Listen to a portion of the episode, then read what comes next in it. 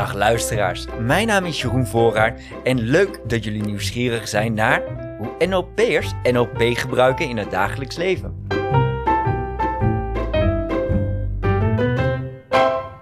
Vandaag neemt Sjaak de Koning hier ons in mee. En Sjaak, om een beter beeld van jou te krijgen, stel jezelf eens voor. Sjaak de Koning, ik ben uh, 61 jaar. Ik ben uh, 36 jaar samen met uh, Brenda, mijn uh, mastermaatje. ik heb twee kinderen, twee dochters van 30 en 33. De een is advocaat, de ander is neonatologie, verpleegkundige. En wat is dat? Zij werkt met te vroeg geboren babytjes, hele ah. kleintjes. Ja. En um, ja, daarnaast uh, ben ik uh, werkzaam als uh, verkeersgedragstherapeut. Mm. Ik begeleid mensen met, met verkeersangst. Oké, okay. en daar gaan we zo meteen, verwacht ik meer over horen. Maar waar ik ook wel nieuwsgierig mee ben, is, goh, wie is typisch Sjaak volgens de mensen om jou heen? Ja, jeetje. De mensen die dicht om me heen zijn, uh, dicht bij me zijn, dat zijn uh, natuurlijk mijn vrouw, en mijn kinderen en, en mijn schoondochter en mm schoonzoon. Ja, als ik het vanuit dat perspectief bekijk, dan hoor ik vaak dat ik een zorgzame vader ben. Inmiddels ook een, een zorgzame opa, mm -hmm. sinds drie maanden. ik ben erg gepassioneerd in mijn werk. Mijn vrouw zegt wel eens, uh, als er bij jou een cliënt afbelt omdat hij ziek is, dan, dan heb je gelijk een slechte dag. Mm. Want ja, je had toch heel graag met die cliënt aan het werk willen gaan. Ja. ja.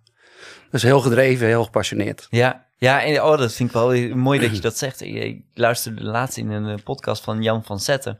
En uh, daarin eigenlijk ook wel van, goh, hè, je hebt toch het liefste mensen om je heen die, die ervan balen als bijvoorbeeld een klant afbelt. Uh, omdat ze denken van, oh, maar dan had ik die, dan kan ik die klant niet helpen. Nou ja, dit, is een perfecte voorbeeld daarvan. Ja, ja, nee, absoluut. En als ik kijk naar mijn cliënten, ik, mm -hmm. uh, ze vullen altijd een evaluatieformulier in als ze klaar zijn. En ja, dan hoor ik toch vaak uh, ook weer de gedrevenheid, de rust. Uh, mensen de ruimte geven om uh, ja, te kunnen zijn wie ze graag willen zijn. Mm -hmm. Ja, en hoe doe je dat dan eigenlijk? Ja, daar heeft NLP mij enorm in geholpen. Mm ik, ik doe dit werk nu 32 jaar en ongeveer de helft daarvan zonder NLP en de helft met NLP. Dus ik kan heel goed het onderscheid maken. Daar waar ik vroeger veel meer met de techniek bezig was, het autorijden, mm -hmm. uh, technische deel, hè, zeg maar de onderste drie lagen van de logische niveaus, mm -hmm. de omgeving, het gedrag en de vaardigheden. Uh, ja, heeft me de, ja, vooral de overtuigingen enorm geholpen om snel tot de kern te komen. Uh, een van de vooronderstellingen die me daar ook enorm in helpt, is uh, dat alle mensen beschikken over de hulpbronnen die ze nodig hebben om hun doelen te bereiken. Mm -hmm. uh, dus dat je ja, veel meer de mens zelf laat zoeken naar zijn oplossingen. Ja, en ik kan me dan ook wel voorstellen dat hè, als je, als je mag, ik, mag je als rijinstructeur gewoon eventjes benoemen? Ja, ja. Als, als je rij, de rijinstructeur eigenlijk naast je zit in de auto en eigenlijk al wel gewoon de overtuiging heeft van, ja, maar ik, ik, zie, ik, ik verwacht dat jij alle mogelijkheden, alle vaardigheden, dat jij eigenlijk al alles in, jij hebt, in jou hebt om dit goed te kunnen doen. Dat het ook gewoon al een heel groot ja, een mooi, mooi aspect van rust geeft aan, aan de deelnemers. Ja, absoluut. Ja. Je kan natuurlijk heel ingewikkeld gaan uitleggen hoe je met een, een auto een kruispunt uh, benadert en hoe de -hmm. voorrang in elkaar zit. Maar die leerling weet dat al en die fietst al heel lang of die rijdt al lang op een scooter of op een, uh, op een brommer. Ja. En de voorrang op de fiets is niet anders geregeld dan de voorrang in de auto. Dus als je zegt, nou stel je, je komt hier aanrijden op je fiets, mm -hmm. hoe zou je dat dan doen? Ja. Nou, dan kan hij eigenlijk zichzelf al leren of hij weet het eigenlijk al. Nou ja, en zoals hij dat op de fiets doet, zo doe je dat ook met de auto. Dat ja. is precies hetzelfde. Ja, ja, ja. En als, uh, zeg maar, en als ik eventjes terug ga naar de, het begin der beginnen qua NLP. Hè, als ik even snel heb uitgerekend, dat is dus ongeveer 16 jaar geleden. ja. uh, waar, waar, was jij toen je NLP ontdekte? ik was destijds bij een opleidingsinstituut in Utrecht, dat heet SET. Mm -hmm. uh, ik ging daar starten met de opleiding samen met mijn vrouw uh, hypnotherapie. Mm -hmm. En in dat eerste jaar van die opleiding, daarin uh, hadden zij een NLP practitioner opleiding verweven. Dus om de zoveel weken kregen we één of twee dagen NLP. Ja, en dat heeft me daar enorm gegrepen. De trainers, ik kan ze nog heel goed herinneren. Uh, ja, hoe zij ook uh, alle hulpbronnen uit mij ha lieten halen. Ja. Uh, ja, fantastisch. Ja, en, en als je, ik zie een grote glimlach op je gezicht als je, als je eraan terugdenkt. En ehm, wat is dan hetgene wat, wat echt jou greep op dat moment dat je echt denkt, oh, zo. Nou, dat, dat, dat is een heel bijzonder, dat waren natuurlijk, het zijn Kijk, als je met NLP-techniek aan de gang gaat, dan val je van de ene verbazing in de andere. Tenminste, dat was bij mij zo. Ja. Maar ik weet heel goed, ik kwam binnen en er zat een trainster uh, zat daar voor de groep. Mm -hmm. En ik denk dat we met een man of twintig waren. Ja. In zo'n uh, zo'n halve cirkel. En iedereen stelt zich keurig netjes voor. En nou, ze ging beginnen. En ze zei, nou Sietse, vertel eens, mm -hmm. wat heb je zojuist geleerd? Ja. En Jeroen, hoe is dat voor jou? En Wilma, hoe is dat voor je? En ik zat te kijken. Ik denk, die kent gewoon twintig namen uit haar hoofd. Gewoon na het voorstellen. Ja. Dus ik dacht, dat wil ik ook. Dus ik ging in de pauze naar haar toe. Ik durfde dat toen nog niet in de groep te gooien. Mm -hmm. En ik zeg, mag ik je wat vragen? Ja, wat zegt ze, dat mag. Ik zeg, je, weet je, kent gewoon twintig namen uit je hoofd. Ze zegt, uh, ik zeg, hoe doe je dat? Ja. Toen zegt ze, van waar deze vraag? Ik zeg, nou, dat wil ik ook kunnen, maar dat kan ik niet. En het enige wat ze toen zei, stop hiermee. En ik ga nu koffie drinken. dus ik heb de hele dag gelopen. Denk, waar moet ik dan mee stoppen? Ja, waar ja, moet ik dan in godsnaam mee stoppen? Dus ik was aan het zoeken, zoeken, zoeken, zoeken, zoeken, zoeken. En dus heb je het geheim ontdekt? Ik heb het uiteindelijk ontdekt. Ja, vertel. Nou ja, als je natuurlijk al zegt dat je dat niet kan, dan ga je dat ook nooit leren. Ja. Dus dat was een enorme ja, eye-opener. Dat als je graag iets wil, dat je dan van niet naar wel gaat. Van wat wil je wel? Ik wil graag ook namen uit mijn hoofd kunnen leren. Mhm. En uh, dus dat was, dat was een enorme... Ja, En lukt het ondertussen? ja zeker. Ja, Ja. zeker. Ja, ja, Dus ja. er komt een groep, eh 10, 20 mensen en dat, dat is gewoon tik, tik, tik, tik, tik, alle namen. Nou, het is niet even tik, tik, tik, tik, tik. Kijk, je, je, je leert daar natuurlijk wel trucjes voor. Hè? Je, Ja. gaat, de mensen, je kunt een, een beeld maken, je kunt een, een symbool bedenken bij iemand. Je kunt eh, ja, een soort ezelsbruggetjes maken. Je kunt eh, de voornaam op het hoofd schrijven, bij wijze van spreken. En wat heel erg helpt, en dat, dat is wat wij mensen vaak nog anders doen. Mhm. Dat als iemand zich voorstelt, dat je dan eigenlijk al heel snel bezig bent om jezelf ook voor te stellen. Dus dan luister je niet naar de naam. Terwijl als iemand zegt, hè, zoals bij jou, Ja. ik ben Jeroen. Dan zeg ik, hey Jeroen, wat leuk om je te ontmoeten. Dus dan heb ik meteen die naam al een keer herhaald. Ja, En eh, ja, dat is een, ja. en dat werkt gewoon. En dat werkt. Ja. Oké, en, en nou ja, hè, dan ben ik eigenlijk ook wel benieuwd naar wat nog meer werkt. Ehm, als je dan denkt aan NLP-technieken, wat, wat is een NLP-techniek waarvan jij zegt, oh, daar ben ik echt fan van?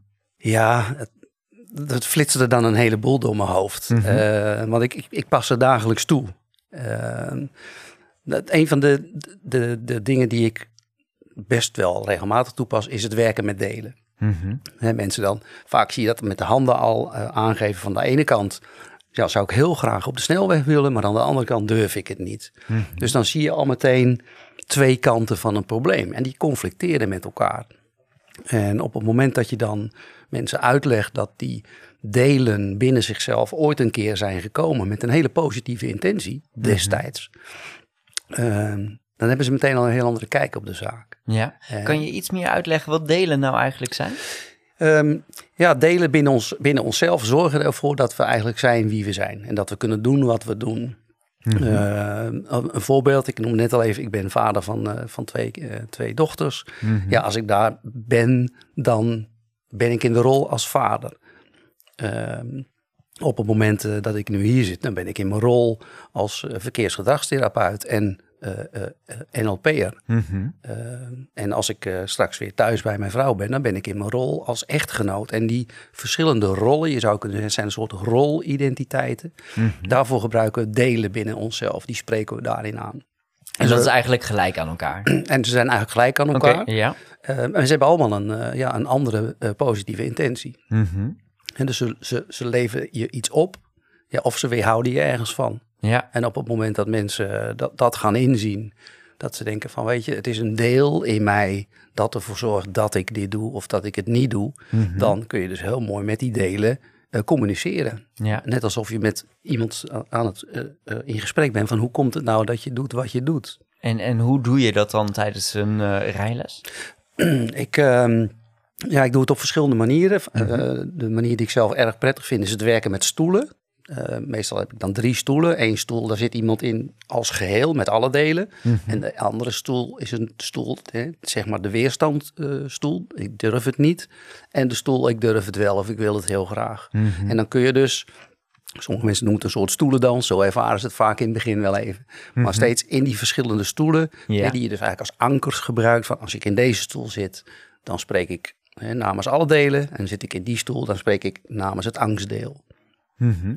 positieve intenties eh, van elkaar eh, uitvragen en dan de, ehm, de hulpbronnen overbrengen om ze uiteindelijk samen te laten werken. En wat je dan vaak ziet is dat eh, de stoelen eerst in de ruimte staan ver bij de cliënt vandaan. Maar naarmate ze meer van de intentie te weten komen, komen die stoelen ook dichterbij, soms naast elkaar. Sommige mensen stapelen zelfs de stoelen op, zodat je heel goed kunt zien dat die twee delen gaan samenwerken. Mhm. Een andere manier, je ziet mijn handen veel bewegen, Ja. is de, de handen van de cliënt gebruiken ehm, om, om op die manier die twee delen naar elkaar toe te laten gaan. Ja, en, en hoe ontdek je dan bij eh, mensen de positieve intentie van het ene deel en van het andere deel? Want dat lijkt me nog best lastig. Ja, dat vinden de meeste mensen ook wel lastig. Hè? Vooral zo'n deel, een, een angstdeel bijvoorbeeld. ja, dat, ze dat angstdeel wil toch gewoon echt niet? Dat heeft Nee, er geen zin in. Nee, die wil gewoon echt niet. Ehm, en als je daar dan op doorvraagt, Mhm. meestal is het zo van, nou, wat is de bedoeling precies van dat angstdeel? Dan zeggen ze, ja, niks, ik heb er niks aan, ik wil daar vanaf. Ja, ooit natuurlijk geleerd, delen laten zich niet wegsturen. Omdat ze ooit een keer in het leven zijn gekomen met een positieve intentie. Mhm. Dus als we dan gaan kijken van, nou, wanneer is dit deel nou in jouw leven gekomen? Dat iemand zegt, ja, het was toen gewoon een hele spannende periode. Eh, ik ben bijvoorbeeld gepest op school. Mhm. Dus denk ik, oh jeetje, dat is al heel lang geleden. En toen werd ik angstig. En wat leverde die angst je toen op? Ja, dat ik gewoon mezelf wat meer afzonderde. En toen had ik rust. Mhm. Hé, hey, maar dat is wel bijzonder. Angst zorgt, zorgde toen voor rust. Mhm. Zo zeggen ze dan vaak. Daar heb ik eigenlijk nooit zo over nagedacht. Dus eigenlijk wil dat deel voor jou rust. En hoe zou het nou zijn als je, in mijn geval, in mijn werk, op de snelweg zou rijden, Mhm. wat je graag wil, Ja. samen met rust. Als die twee nou samen zijn. Ja, dat zou mooi zijn, hoor je dan vaak. Dat zou wel heel mooi zijn. ja, en eh, ook bijna een ontdekking kan Ja, echt een, Ja. echt een, een, een openbaring. Van, Ja. Dat had ik eigenlijk nooit verwacht. Dus wat we vaak doen is we kijken naar gedrag. Mhm. Het gedrag is vaak, zeker met angst, als mensen in elkaar kruipen, dat gedrag vinden ze niet fijn. Maar als ze er eenmaal achterkomen dat het uiteindelijk in de kern rust betekent, Mhm. dan zie je ze ook letterlijk ontspannen. Ja.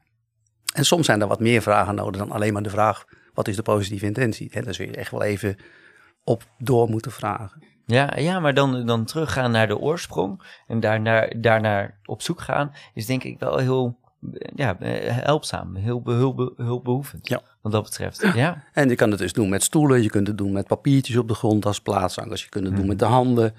Ehm, ik doe het ook wel eens in de auto, van de ene stoel in de andere stoel gaan zitten. Ja. Dat ik dan, het eigenlijk, dan wisselen we, dan geef ik een demonstratie zelf achter het stuur. Maar ondertussen zitten ze op de bijrijdersstoel en een heel ander deel. Ja. En het mooie is dan dat je dan zelfs kunt vragen van stel je nou voor dat jij de rijinstructeur bent. Mhm. En je gaat mij vertellen hoe ik zeg maar zonder angst die snel. Wat zou je dan tegen mij zeggen? Ja. Dus dan spreek je daar een deel aan bij henzelf. En dan zeg je, ja, ik zou gewoon wat meer relaxter eh, gaan zitten en eh, ja, wat alert zijn en je spiegels goed gebruiken. Ik zeg, oh, goede tip. Kom maar weer even hier zitten en ga het maar uitvoeren. Ja. Ja, probeer maar gewoon uit. En, Ga maar en- gewoon doen. Ja. Ja, Ja. En dan eh, ga ik er eigenlijk vanuit dat het ook werkt. het werkt. Juist. Ja. Ja. En, en heb jij een, een, een ander voorbeeld waarvan je zegt van ja, daarin gebruik jij zelf echt NLP in het dagelijks leven? Ehm, ja, ik vind, eh, zowel bij mijn cliënten, maar ook bij mezelf, het, het, het eh, model van het schalen. Dus op een schaal van, eh, van, van 1 tot 10, hoe erg is iets bijvoorbeeld? Dat je denkt, nou, als ik dit nu een cijfer zou geven, 1 vind ik het helemaal niet erg, 10 vind ik het heel erg, maar ik geef het een 8. Mhm. En dan eigenlijk de vraag, eh wij NLP, NLP'ers stellen niet zo heel snel de waarom-vraag, maar dan juist wel. Zeg maar, waarom geef ik dit nu eigenlijk een 8 en geen 7 bijvoorbeeld, of een 9? Ja. Nou, dat zet me dan aan het denken. En voor je het weet, wordt dat probleem plotseling van een, een 8, wordt het een 7. Mhm. Dat je denkt, ja, ja, dan kan ik er eigenlijk al op een heel andere manier naar kijken. Ja. Dus op die manier gebruik ik het. En ik gebruik uh, regelmatig het binnen-buitenmodel. Binnen-buitenmodel? Ja, het binnen-buitenmodel. Er gebeurt iets bij mij van binnen, wat veroorzaakt wordt door iets buiten mij.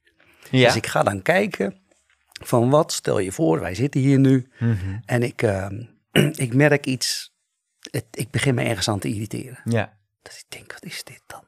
En dan kijk ik naar Jeroen. Mhm. En dan zie je de bron. En dan denk ik opeens van, wat is dat nu eigenlijk? Wat doet Jeroen? Mhm. Dat als ik dat zelf zou doen, dat ik dat niet leuk zou vinden. Ja. Ja. Dus dan is het net alsof ik in de spiegel kijk. Dan zie ik jou iets doen wat ik niet leuk vind als ik het zou doen. Mm, mhm. Maar het kan ook zijn dat ik denk, hé, hey, die Jeroen die heeft hele goede, hele goede vragen. En ik merk dat dat bij mij niet zo goed lukt. Dus dan begin ik me eigenlijk aan iets te irriteren wat ik heel graag zou willen kunnen, maar ik kan het nog niet. Mhm. En op het moment dat je ziet van wat doe jij, waardoor mij iets ra geraakt wordt van binnen, dat ik dan denk, oh, oké, maar dat is het. En dan kan ik er iets aan doen. Ah, dus, dus ah, het klinkt bijna alsof je zeg maar een spiegel projecteert. Hè? Bijvoorbeeld in dit voorbeeld uh, dat ik een soort van spiegel voor jou word waar, van nou ja, hetgene wat je wel kan of wat je niet kan. Zeg maar eigenlijk een soort van eh, wat, wat een ongenoegen vult. Precies. Ja. ja. Ja, en dat komt dan, zeg maar, dat projecteer je op iets buiten jezelf. Ah, ja. ja. En dat gebeurt dan binnen? En okay. dat gebeurt binnen. En dat gebeurt binnen. En hoe ga je dan verder? nou, kijk, als je eenmaal weet uh, wat het is, dan ja. kan ik het of loslaten, of ik kan er iets aan doen. Ik kan hulp zoeken. Ik kan het of zelf oplossen, of ik zou er echt hulp voor kunnen zoeken als ik denk, dit kan ik zelf niet. ja. En, en uh, zeg maar, hè, gewoon was de laatste is een moment, of ik hoop dat ik je op dit moment niet irriteer, maar uh, Zeker niet. was, was, de laatste, was de laatste moment waarvan je zegt, oh ja, ja toen, toen kon ik dat echt gebruiken, dat iemand zegt van, oh ja, zo, zo eenvoudig toepasbaar is het? Nou, het gebeurt soms wel eens. Uh, kijk, mijn vrouw is ook master practitioner. En als mm -hmm. ik dat tegen mensen vertel, dan zeggen ze vaak: Oh, dat zal bij jullie thuis alles wel vlekkeloos verlopen. En uh, jullie zullen nooit ruzie hebben met elkaar. Nou, mind you, dat gebeurt. Ja. En, en, en, en over de meest uh, eenvoudige dingen, weet je wel. Zo'n voorbeeld van, uh, ik heb het dopje van de tandpasta niet goed uh, erop gedaan. En dan komt zij dan mij even vertellen dat ik dat de volgende keer goed moet doen, weet je wel. Ja. En dan denk ik, wat is dat nou? De, iets irriteert me dan. Ja. Ja, en dan kun je dus heel goed kijken van, maar wat is dat dan? En dan blijkt dus dat zij gewoon enorm precies is, heel specifiek in dingen. Ja. En ik eigenlijk best wel globaal. Dus ja, als je natuurlijk iemand die heel specifieke denkstijl heeft en iemand die globale denkstijl heeft, zet die met elkaar in één ruimte. En dan zegt ze ook nog tegen mij zo van, maar jij bent toch uh, NLP master? Ik zeg Mm. ja. Ik zeg, jij toch ook? En dan staan we hier uh, ruzie te maken over een tube tandpasta. Oh. ja. Maar dan kom ik er dus weer achter van, hey, dat specifieke en dat globale, ja, dat kan enorm botsen. Ja. En dat kan dus uh, ja, heel goed werken om je dat te realiseren. En, en is het dan dat jij op zo'n moment eigenlijk meteen denkt van, ah, binnen een buitenmodel? Of hè, eerlijk gezegd, als je dit voorbeeld zo geeft, zelf ben ik ook redelijk uh, globaal, zou ik echt rete irritant vinden.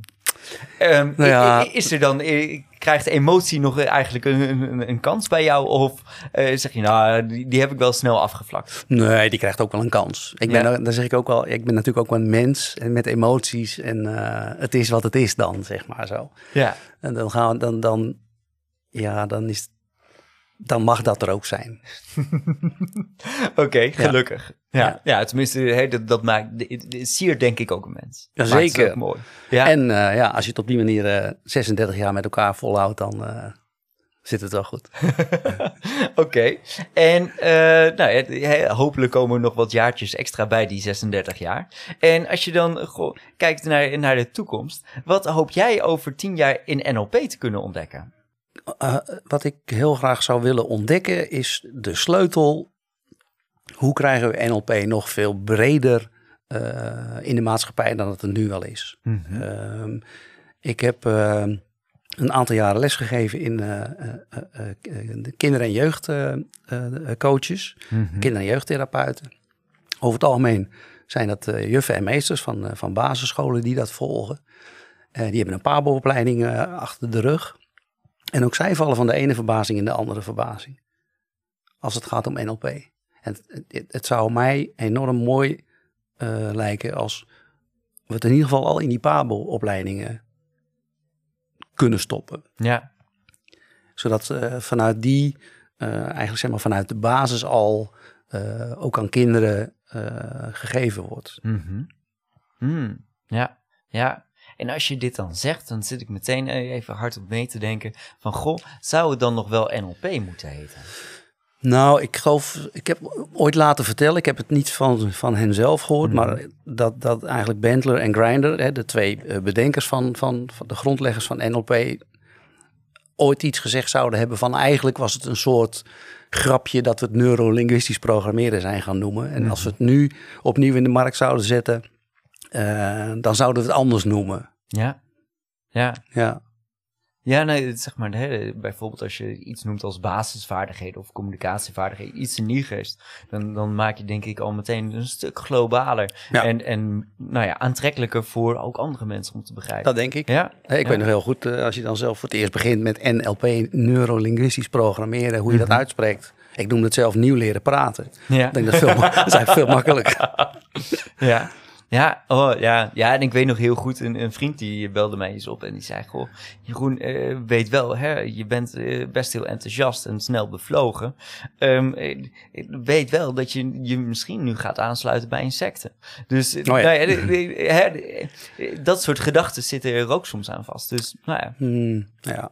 Kijk, ik denk dat iedereen die met NLP begint, mm daar enorm enthousiast over is en hopelijk ook wel blijft. Ja. Uh, maar ik ben in al die jaren dat ik er nu mee werk, mm -hmm. ja, merk ik wel, je internaliseert natuurlijk dingen, je gaat er niet meer zoveel over nadenken. En um, ja, vanuit de hypnotherapieopleiding hè, kennen we het woord utiliseren, dus werken met datgene wat er is. Ja. Um, ja, en ik heb daarin ook enorm veel van Lucas Derks geleerd uh, bij het Sociaal Panorama. Uh, wat Lucas zo heel mooi kan als het om utiliseren gaat. Bijvoorbeeld iemand die dan zegt: Ja, eigenlijk merk ik helemaal geen verschil na deze oefening. Mhm. Dat die dan zo mooi kan zeggen: van, Dat is precies de bedoeling. Dat je geen verschil meer of iemand die zegt: Ja, ik heb eigenlijk wel een beetje weerstand tegen NLP. Nou, dan is dit een hele goede oefening voor mensen die weerstand hebben. Ja. Dus hij vangt alles. Dat is fantastisch. En ja, dat was ik ook toen. En blijft daarin heel zuiver. Heel zuiver. Ja, ja. oh, mooi. Ja. ja. En, en nou ja, als, als afsluitende vraag ben ik altijd nieuwsgierig of, of, of mensen nog iets belangrijks te vertellen hebben. Nou, heb je al een hele hoop interessants en belangrijks verteld. Maar is er nog iets belangrijks waarvan je zegt, ja, dat moet in deze podcast? Ja, jeetje. Er, er, spookt de hele tijd, maar dan, dan vallen we misschien te veel in, in, in, uh, in, in technieken. Uh, maar een techniek die ik uh, ja, heel veel toepas in mijn werk mm -hmm. in de auto is Change Personal History. Ja. Dat is ook wel een van mijn favorieten. Het veranderen van je persoonlijke historie. Ja. Ook weer om te kijken van, hè, mensen hebben toch vaak, een, als ze angstig zijn, daar een gevoel bij. Om dan eigenlijk via een tijdlijn terug te gaan om de oorsprong van dat gevoel te ontdekken van wanneer is dat nou in jouw leven begonnen? Wat speelde daar toen? Mhm. En wat zou je toen nodig gehad hebben waardoor je dat gevoel niet had gekregen?